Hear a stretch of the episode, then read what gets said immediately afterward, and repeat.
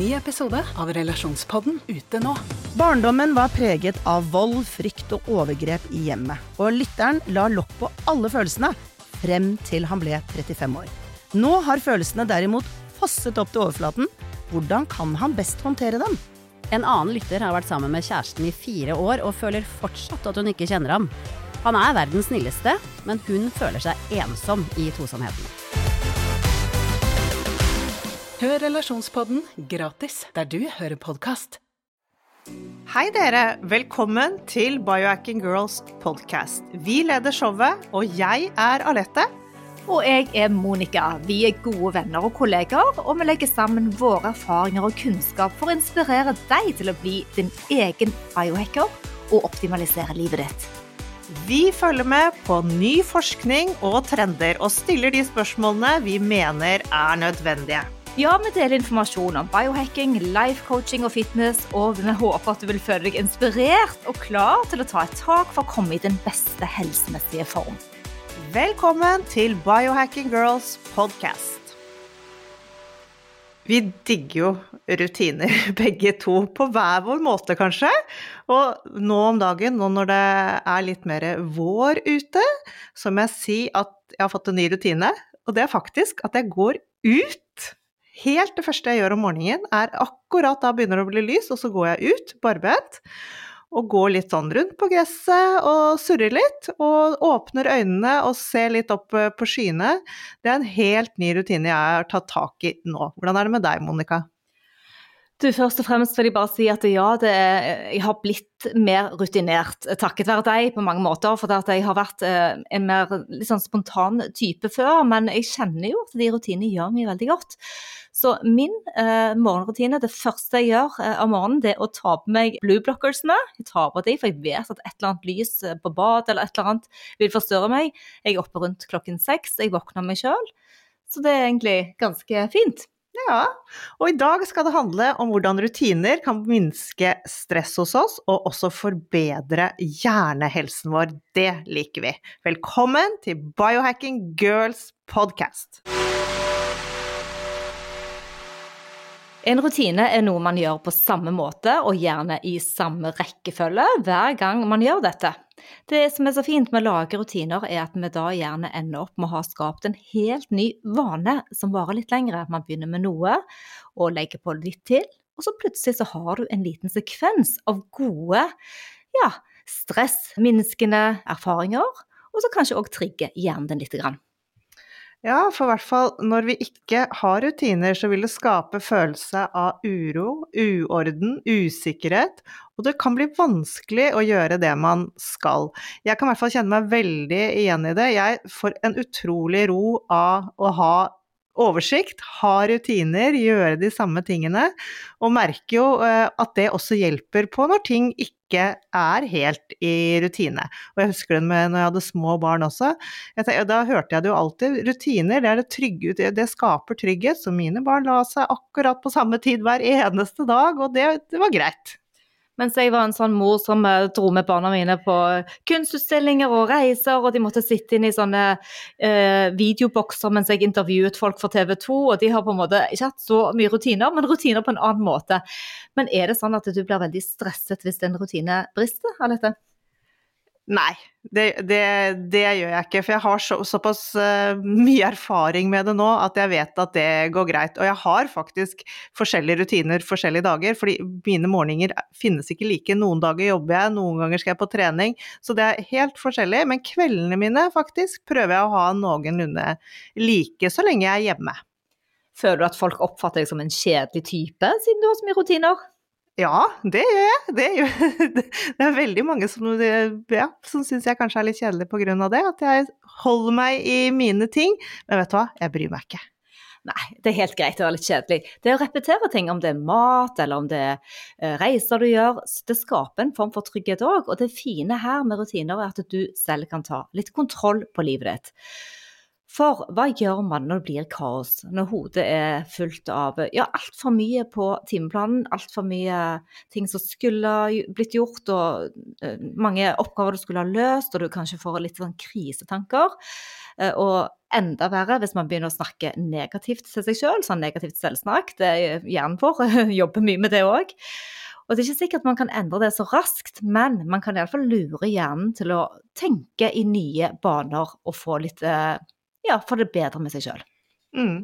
Og jeg vet at vi snakker jo mye om det her når vi har mye på programmet, og det er forskjellige program hver dag, så snakker vi hele tiden om at Monica, vi tar én ting av gangen, og så bare sjekker vi av. Vi tenker ikke så mye fremover på alt som skal gjøres, men bare jobbe seg gjennom. Det også syns jeg skaper veldig ro oppi når det er mye man skal gjøre. Noen ganger så kan jeg se at eh, jeg åpner kalenderen min på søndag, og så ser jeg hvordan den ser ut, den som kommer. Og hvis jeg ser på mandagen og tirsdagen og onsdagen, og det er ingen pauser, det er bare grønt og fullbooket hele tiden og møter og trening og PT-kunder og podcaster og mange andre spennende ting, og det er jo morsomme ting, men da, da blir jeg stresset. Så jeg har òg gjort og lært meg å ta én dag om gangen. Ja, det tror jeg er kjempe, kjempe, kjempelurt. Hjernen vår, den er involvert i alt vi gjør. Hvordan vi tenker, føler, hvordan vi handler, og også dette med hvordan vi forholder oss til andre. Hjernen er maskineriet som styrer sjelen vår. Den skaper angst, og den kan skape uro, men også ro og orden. Den lagrer informasjon etter traumer og triste hendelser lenge etter at de har skjedd, og fortsetter å minne deg på det vonde, selv om du kanskje ikke husker det helt selv. Og det er interessant dette, for de blir lagret da i hjernen, som du sier, traumene. Og de kan komme fram på så mange forskjellige vis, i form av eh, fysiske plager, smerter, tilbake til det negative selvsnakket, sånn maniske ting man gjør, kontrollmekanisme. Så det er mye ting som skal på plass for å få en balansert hjerne, og rutiner er noe av det. Ja, hjernen er jo et organ på samme måte som hjertet er et organ. Så hvis du har hjerteproblemer, så ville du antageligvis gått til en lege og få en, kanskje noen gode råd om hva du skulle gjort for å få bedre hjertehelse. Men hva ville du gjort eh, hvis du hadde, hadde vondt i hjernen din? Ikke sant? Du, eh, lege, jeg har litt hjerneproblemer. Kan du være så snill å hjelpe meg? Hjerneproblemer. Hvordan kan man endre det? Kan man gjøre noe med maten med hjerneproblemene mine? Eller kan man eh, spise annerledes? Eller trene mer? Nei da. Eh, men, men ville du da etter en kjærlighetssorg jobbet med hjernen din hvis du har det vondt inni deg? Eller f.eks. hvis du har mistet jobben din? Eller ja, hvis du føler at økonomien skranter, kanskje du har lagt på deg, kanskje du føler at alt av helsen går nedover, det er ikke bra, hva gjør du da? Alle de tankene som dukker opp, for det hjernen vil jo hele tiden at du skal få det bedre uh, hvis du jobber med det. Du må jobbe med det. Og når, jobb, når hjernen jobber bedre, så vil du føle deg bedre. Da kan du ta klokere valg, og du kan ha en bedre mental kapital. Og det, når du har en bedre mental kapital, så påvirker det alt du møter i dagen din. Menneskene du passerer forbi. Du, kanskje du smiler til han du ser på gaten. Kanskje du eh, tar en ekstra telefon til en venn. Og kanskje du er litt ekstra glad og ringer til moren din litt oftere. Ja, det er mange sånne ting man, man kan gjøre, og alt dette hjelper hjernen. Men hva er det som skader hjernen vår da, Monica? Det er jo vi har jo de store, narkotika f.eks., det vet vi jo alle sammen. Dette med mye alkohol. eh, Det skader ikke bare sånn on the long run, men man føler jo også ganske sånn mye stress etter at man har drukket for mye. Har du mye infeksjoner i kroppen, så vil dette også påvirke hjernen din. Og toksiner, selvfølgelig, det snakker vi jo masse om. Kjemikalier og sånne ting. Det kan absolutt skade, skade hjernen vår. Men også dette med sånn livsstilssykdommer. Vi snakker om overvekt. Har du søvnproblemer? Det er jo absolutt ikke bra for hjernen. Høyt blodtrykk, diabetes. Og så er det en del medisiner også som kan ha noen bivirkninger for hjernen. Og så er det dette med mye prosessert mat, sukker, lettbrusen også. Ubalanserte hormoner. Og så særlig dette med stress. Det er jo noe vi kjenner på hele tiden, og det absolutt påvirker hjernen vår. Og det å være sammen med folk som har dårlige vaner det, Man sier jo det at man, man er et produkt av de fire-fem nærmeste personene i livet sitt, så det kan man jo ta og tenke litt på. Ja, du sendte meg en sånn fin tekst i går, Alette, om uh, at man skulle reflektere over uh, de menneskene som får deg til å føle deg bedre. Hvor du liksom eh, thriver og blir en bedre eh, person. Det syns jeg var veldig fint. Ja, det er noe å tenke på, altså, for man har alle har kjent på det der med de du er rundt, noen er sånne som tar all energi fra deg, og du føler deg nesten sliten etter et sånt samvær, og så har du andre hvor du bare danser bortover gaten etterpå, for det har vært så deilig å være sammen med dem, og det, det er veldig, veldig, veldig bra. Ja, det er helt riktig. Og du kan møte en person som bare snakker og snakker og snakker, og glemmer helt å stille et eneste spørsmål. Og så er du ferdig med de fire-fem minuttene, så står du der igjen og tenker åh, hva skjedde nå? Det er virkelig det som man kaller for energityveri.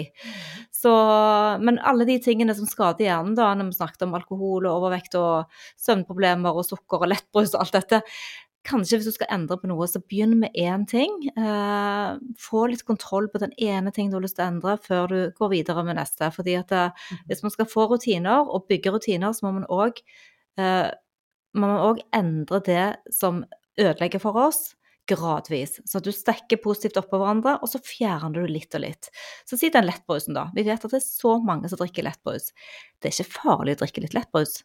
Det går helt fint å drikke lettbrus, men poenget er at hvis lettbrusen tar over hverdagen din, og du går og tenker på neste slurk du skal ha med lettbrus, så har du allerede vært med å skade hjernen din av mange årsaker. Så da er kanskje den ene tingen OK, nå må jeg redusere det til kanskje én eller to ganger i uken. Mm. For det, det snakker vi også ofte om, det er liksom den loaden av alle disse da negative tingene samtidig.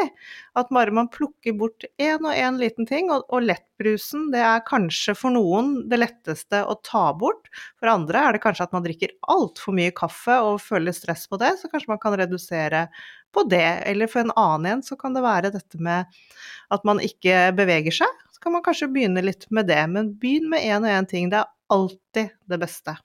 Man kan kanskje være enig om at det å drikke lettbrus blir man ikke tynn av likevel. Men når vi snakker om eh, fedme eller overvekt, så det hjelper å gå ned ett kilo, og det hjelper å gå ned lite grann. Så alle de små endringene, så ikke sitt og tenk heller det, at nei, nei, nei, jeg er så overvektig likevel, eller jeg er så dårlig på å trene likevel. Det å komme i gang, om det er fire minutter med å gå litt, om det er tre ganger i måneden med styrketrening, så vil det hjelpe. Alltid. Alt vil hjelpe, alltid. Og så må man prøve å ha et litt lengre perspektiv på ting. Vi er så utålmodige, det merker vi med alle som spør oss om råd. Men jeg kjenner ingenting, da, men hvor lenge har du holdt på, da? Nei, det har gått en uke. Ja, ok. Men hva med om et år? Tenk hvis du, hvis du kan tenke litt lenger frem i tid, og ikke være så utålmodig. Og la hjernen din også henge med på den utviklingen du faktisk skal gjennom når du skal jobbe med hjernehelsen din. Keto Recipes with Love from Monica and Alette. Målet vårt med denne kokeboken er at det skal være en skikkelig boost for deg å leve den ketogene livsstilen. Ja, det er den eneste norske keto-kokeboken på markedet, og vi har bare lyst til å nyte hvert måltid og føle at kroppen blomstrer når vi spiser ren og deilig mat med gode ingredienser som det er lett å få tak i. Vi vil glede oss til hvert eneste måltid, og vi vil at familie og venner de skal heller ikke klage på den maten som blir servert. Det er enkelt å leke seg fram og bytte ut ingredienser og lage egne varianter, så la deg friste med gode, næringsrike råvarer. Vi har bulletproof kaffe, tahinibrød, stekt avokado med egg, nam. Biffvafler, hva med fathead pizza? Vi vil også lære deg å lage kraft. Eggepudding, masse øh, keto-kuler. ja, og så har vi til og med noen ketovennlige drinks. Men Monica, hva er din favoritt i denne kokeboken? Altså, jeg klarer meg ikke uten kraftpannekaken. Den spiser jeg hver eneste uke. Ja, den er kjempegod, men jeg er også veldig svak for kollagen og kaffeshaken. Du finner boken vår på din nettbokhandel. Og nå har vi da tracket og målt. Vi har målt eh, glukosen vår, vi har målt søvn og HRV, hjertevariabiliteten. Vi har målt temperatur og oksygenopptak. Vi har målt blodprøver og ketoner. Og vi har målt omega-3 og alle slags eh, vitaminer og mineraler og toksiner. Altså vi har målt og målt og målt. Og vi sier jo alltid 'if you can't track it, you can't track it'. Og at du ikke kan endre det du ikke kan måle. Men vi er òg veldig bevisst på å ta pauser, for det, vi har målt og målt målt i mange år, og nå skal vi faktisk ha en liten måledetox begge to. Og vi har bestemt oss for at eh, det skal være en ny rutine. For når vi slutter å måle, så blir det plass til en litt større rutine. Så istedenfor å tracke da f.eks. søvnen og HRV på morgenen vi står opp nå, en måneds tid, eller kanskje to, vi ser hvordan det går, så får vi litt mer plass til å gå litt lengre ute på gresset og kanskje skrive dagbok. Gleder du deg, Alette? Vet du hva, jeg, faktisk så kjenner jeg på nå at jeg gleder meg mer og mer til det. At det, det er et sånn lite stress som ligger bak der med den derre sjekkingen av disse måletingene vi har holdt på med. I begynnelsen var jo alt bare kjempegøy, og vi var liksom overveldet over alt det nye vi lærte. Men nå kjenner jeg at kjenner, kjenner meg selv så godt nå, nå må jeg ikke bli avhengig av tracking. Helt klart. Så vi har um, flere ting vi trenger å måle årlig, og da kan du tenke litt sånn OK, det er en gang jeg går og tar kanskje en eh, BMI-kalkulator på online som er for å sjekke midjemålet ditt, og kanskje du stikker til legen en gang i året og måler blodtrykk. Når du har målt søvnen din med f.eks. Aura-ringen i tre-fire år, så vet du ca. hva som trigger den. Så det er ikke sikkert du trenger å måle det absolutt hele tiden. Og vi vil for alt i verden skru av Bluetooth, og noen ganger så går den Bluetoothen på av seg sjøl. Altså, jeg syns eh, Steve Jobs og iPhone og bakgrunnen til alt dette de er så geniale at de bare overstyrer oss mennesker, til og med. Så jeg står opp og har skrudd av Bluetoothen, og noen ganger når jeg våkner, så er den jammen på igjen. Men det er flere ting med målet, Alette. Du, vi har jo målt absolutt veldig mye. Vi har målt blodtrykk, der ligger jeg check. Vi har målt vitaminpanel, og særlig D-vitamin. Og så har vi jo målt CRP-en vår for å sjekke betennelser. Og vi har tatt veldig mye tester rundt kolesterol, det kommer vi tilbake til eh, senere. Uh, hva det fant. Og så er det jo denne omega-3-indeksen. Altså det er jo så mye man kan uh, måle. Og og så er det også dette med risikofaktorer i forhold til dette med hjernehelse og sånne ting, som vi også må, må tenke litt på. Når du har målt, så, så, er det kjempefint, og da har du noen tall å gå ut ifra og noe å, å, jobbe med. Men så må du også se litt på disse risikofaktorene. Og da kommer vi tilbake til dette med rutiner og hjernen vår. At det, dette kan da bli f.eks. et sånn årshjul kanskje i januar og i august, eller om du velger mai og desember, finne to ganger i året hvor du tar en liten sånn check-in, skriver ned resultatene i en bok eh, og sammenligne. Og det å ta midjemålet og det å gå på badevekten f.eks., det er òg en god rutine. Men du trenger ikke gjøre det hele tiden, men du kan iallfall vite OK, nå er jeg 40 år, jeg veier sånn, eh, jeg har dette midjemålet, og så har du noe å sammenligne med når du er 45, og særlig når du er 60. Kanskje målet er å holde seg så lik som du var når du er ung, for det er det skikkelig anti-aging i. Ja, jeg tok akkurat um, For ett år siden så tok jeg en sånn in-body-scan. Uh, for å sjekke hvordan det sto til med muskelmasse og fettprosenter og all, veldig, veldig mange mål. Trenger ikke å gå inn på de. Og nå hadde det gått et år, og nå tok jeg da en ny uh, in-body-scan. Og, og, så kjente jeg når jeg så på resultatene og sammenlignet med året før, at jeg jeg ble litt skuffet, for jeg trodde jeg skulle ha vært, blitt veldig mye mer muskuløs. Men så snudde jeg litt på det, for jeg hadde gått opp i muskelmasse. Og så tenkte jeg yes, jeg har i hvert fall ikke gått ned, og jeg går jo opp i alder. Helt riktig, det er helt fantastisk at du sier, og det, det står på min timeplan eh, over eh, hektiske dager at jeg skal gå og ny, få ta en ny sånn bodyscan-test, eh, for det er et år siden jeg gjorde det òg. Og det, grunnen for at jeg har lyst til å gjøre det igjen, sånn som du, det er for å kunne sammenligne med året før.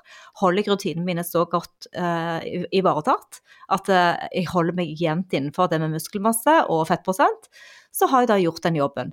Men uansett, husk nå å gå tilbake og sjekke over uh, disse her risikofaktorene med røyking og har du høyt blodtrykk. Uh, har du nok aktivitet? Hvordan ligger det an med blodsukkeret ditt? Hvordan uh, ligger det an med alkoholkonsumet ditt? Spiser du for mye omega-6 og for lite omega-3? Kan du balansere dette? Har du for lite fett i kostholdet ditt? Eller spiser du ferdig mat eller hyperprosessert mat?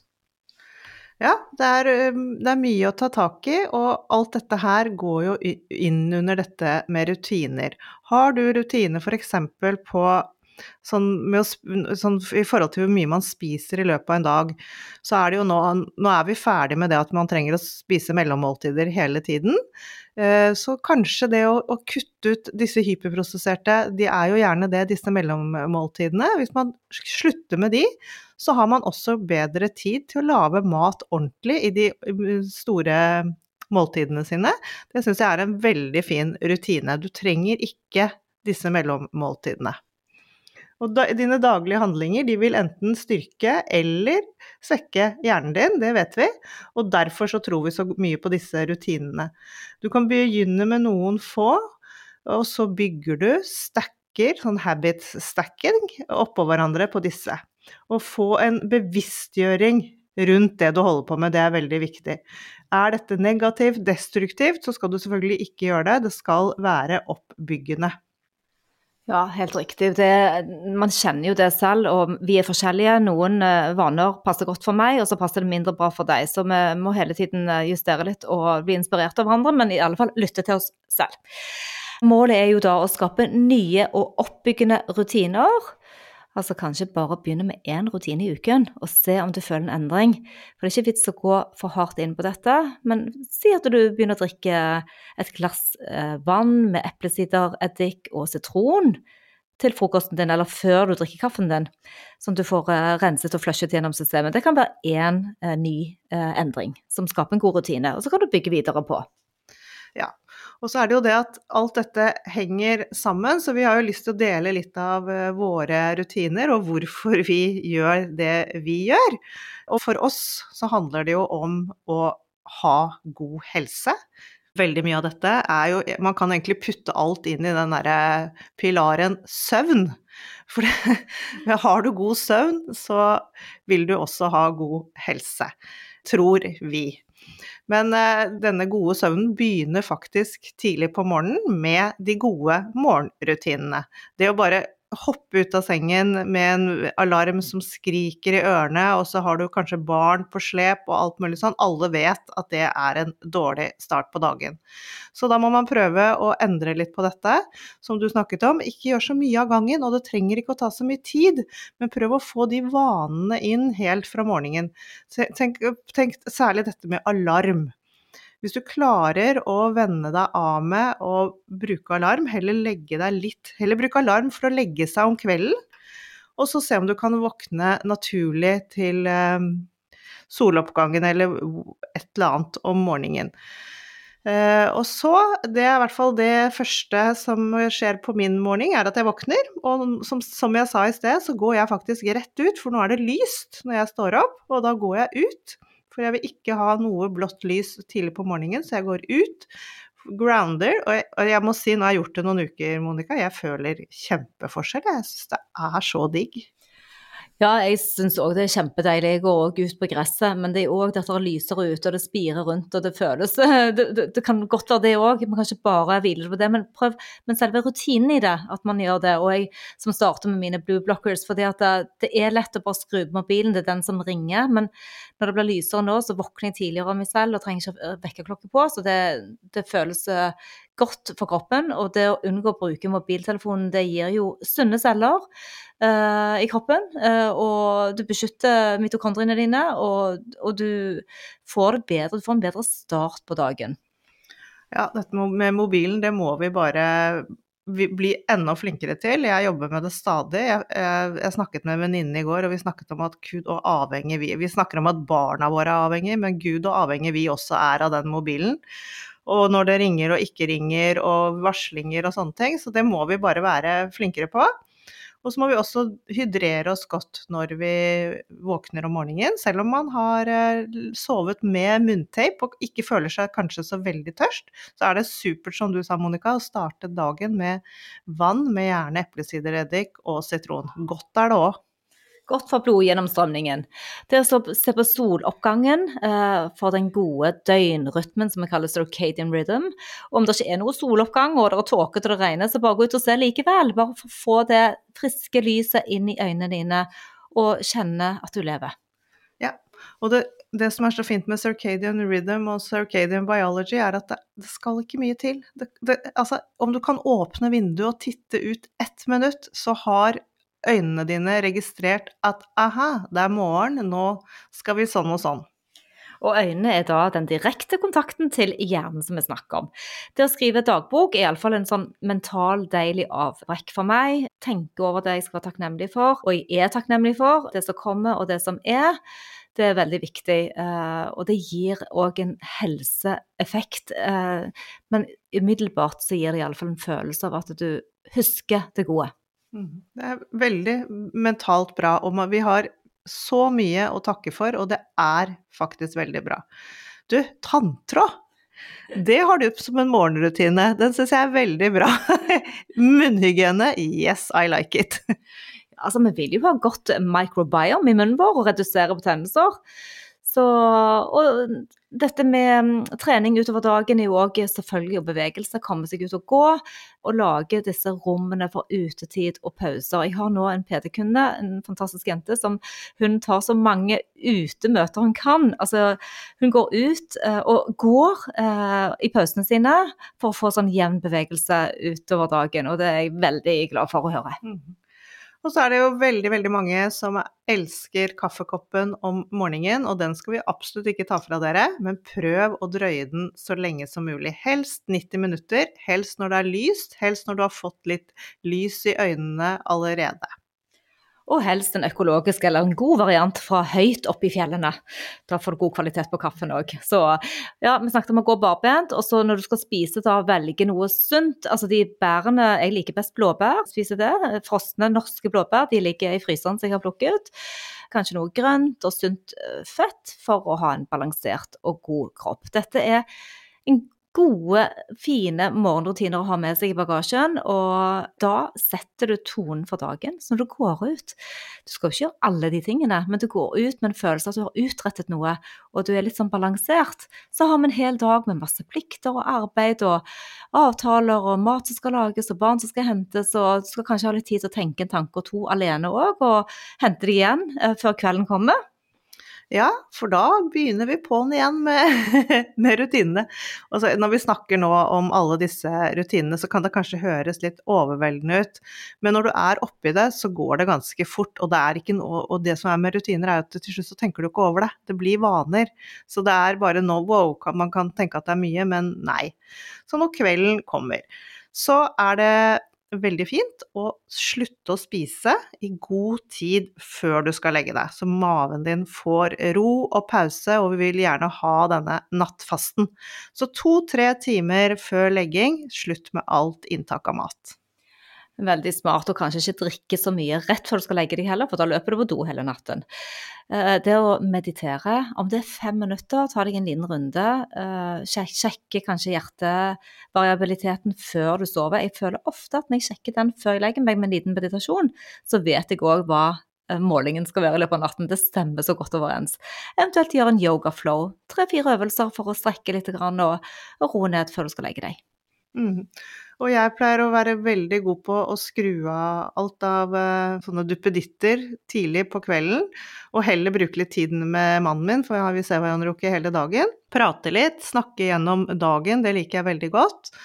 Og så elsker jeg mine mørke oransje blue blockers, for nå er det faktisk lyst når jeg legger meg, men gud, når jeg tar på meg de, så blir jeg så, så trett, så det er også en av mine, mine kveldsrutiner.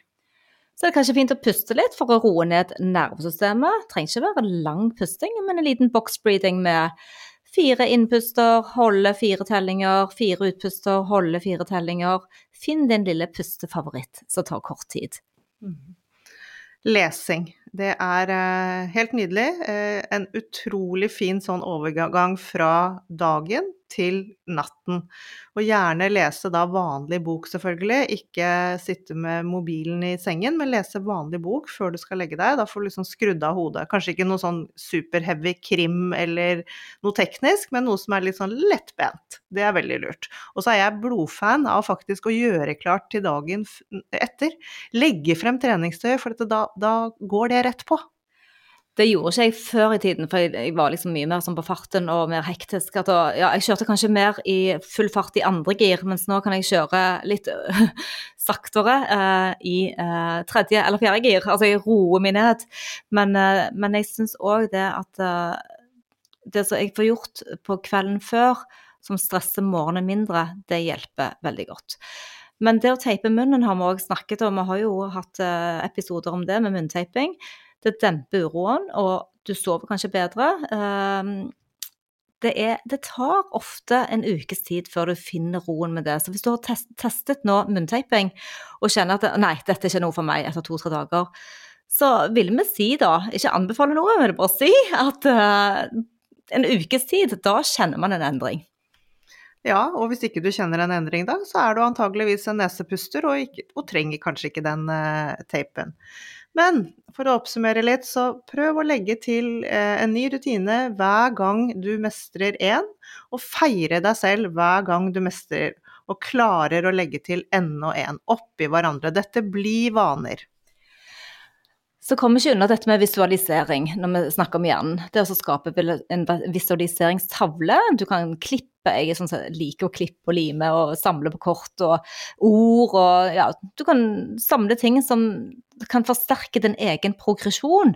Der du ser deg sjøl og dine drømmer som blir virkelighet. Du kan til og med sette et bilde av noe du har lyst til å oppnå.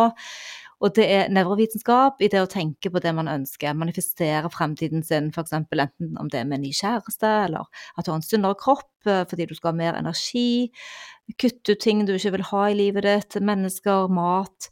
Eh, dette fester seg i hjernen din i frontallappene, i den prefrontale cortex.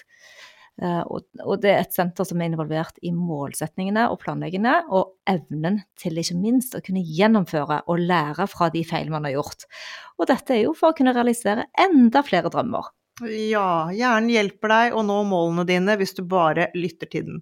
Fordi det å visualisere dem, det hjelper veldig. 30% av hjernen er knyttet til dette visuelle. Så bruk et sånt eh, visualiseringskollasj, lage et sånt vision board. For det er veldig fint på å kunne klargjøre hvem er det du vil være, og hva er det som skal skje, og hvordan vil du at din fremtid skal bli?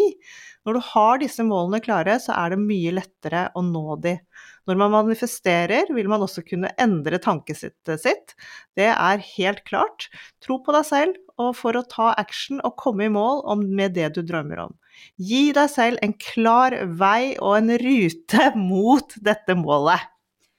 Ja da, og du kan òg eh, i løpet av dagen hente inn litt sånn pusteheks, type sånn diafragmapust, hvis du føler deg stresset det er eh, sånn som med diafragmapust, det, du, du, bruker noen minutter på det. Det er den raskeste og beste angstdempende pusteteknikken som finnes.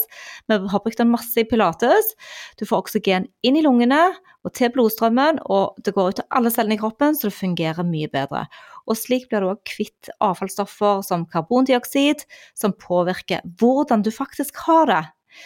Så når man er bekymret eller er urolig, så blir pusten kortere, og den går mye raskere, og man blir enda mer bekymret. Så pusten har en umiddelbar virkning, og den roer ned den delen i hjernen som heter amygdala.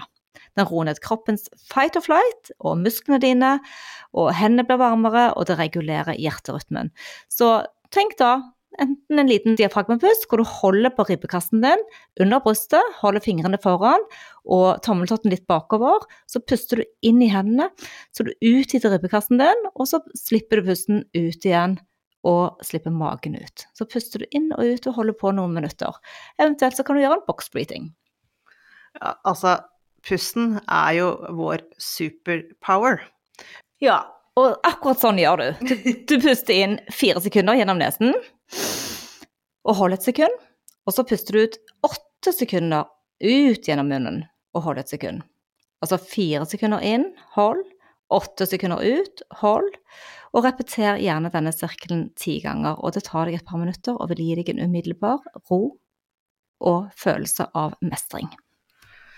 Vi har jo også noen ganske bra hacks for denne hjernen vår som vi gjerne vil optimalisere. Og det er selvfølgelig å spise omega-3 daglig. Eller få i deg fet fisk som laks eller makrell.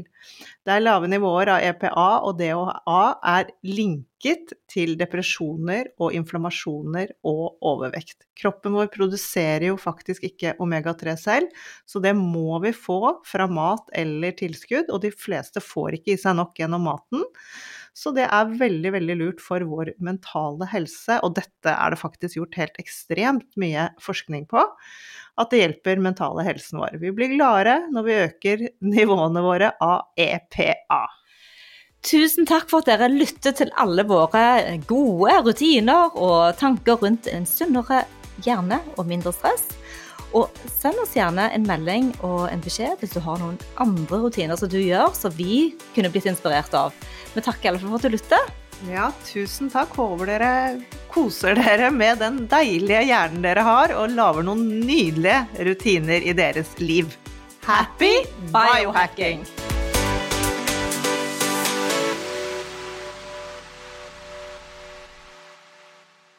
Vi minner om at dere må snakke med egen lege eller kostholdsveileder om dietter og andre spørsmål relatert til medisiner og supplementer. Informasjonen vi deler, kan ikke bli brukt til å diagnostisere, behandle, forebygge eller kurere noen sykdommer eller tilstander.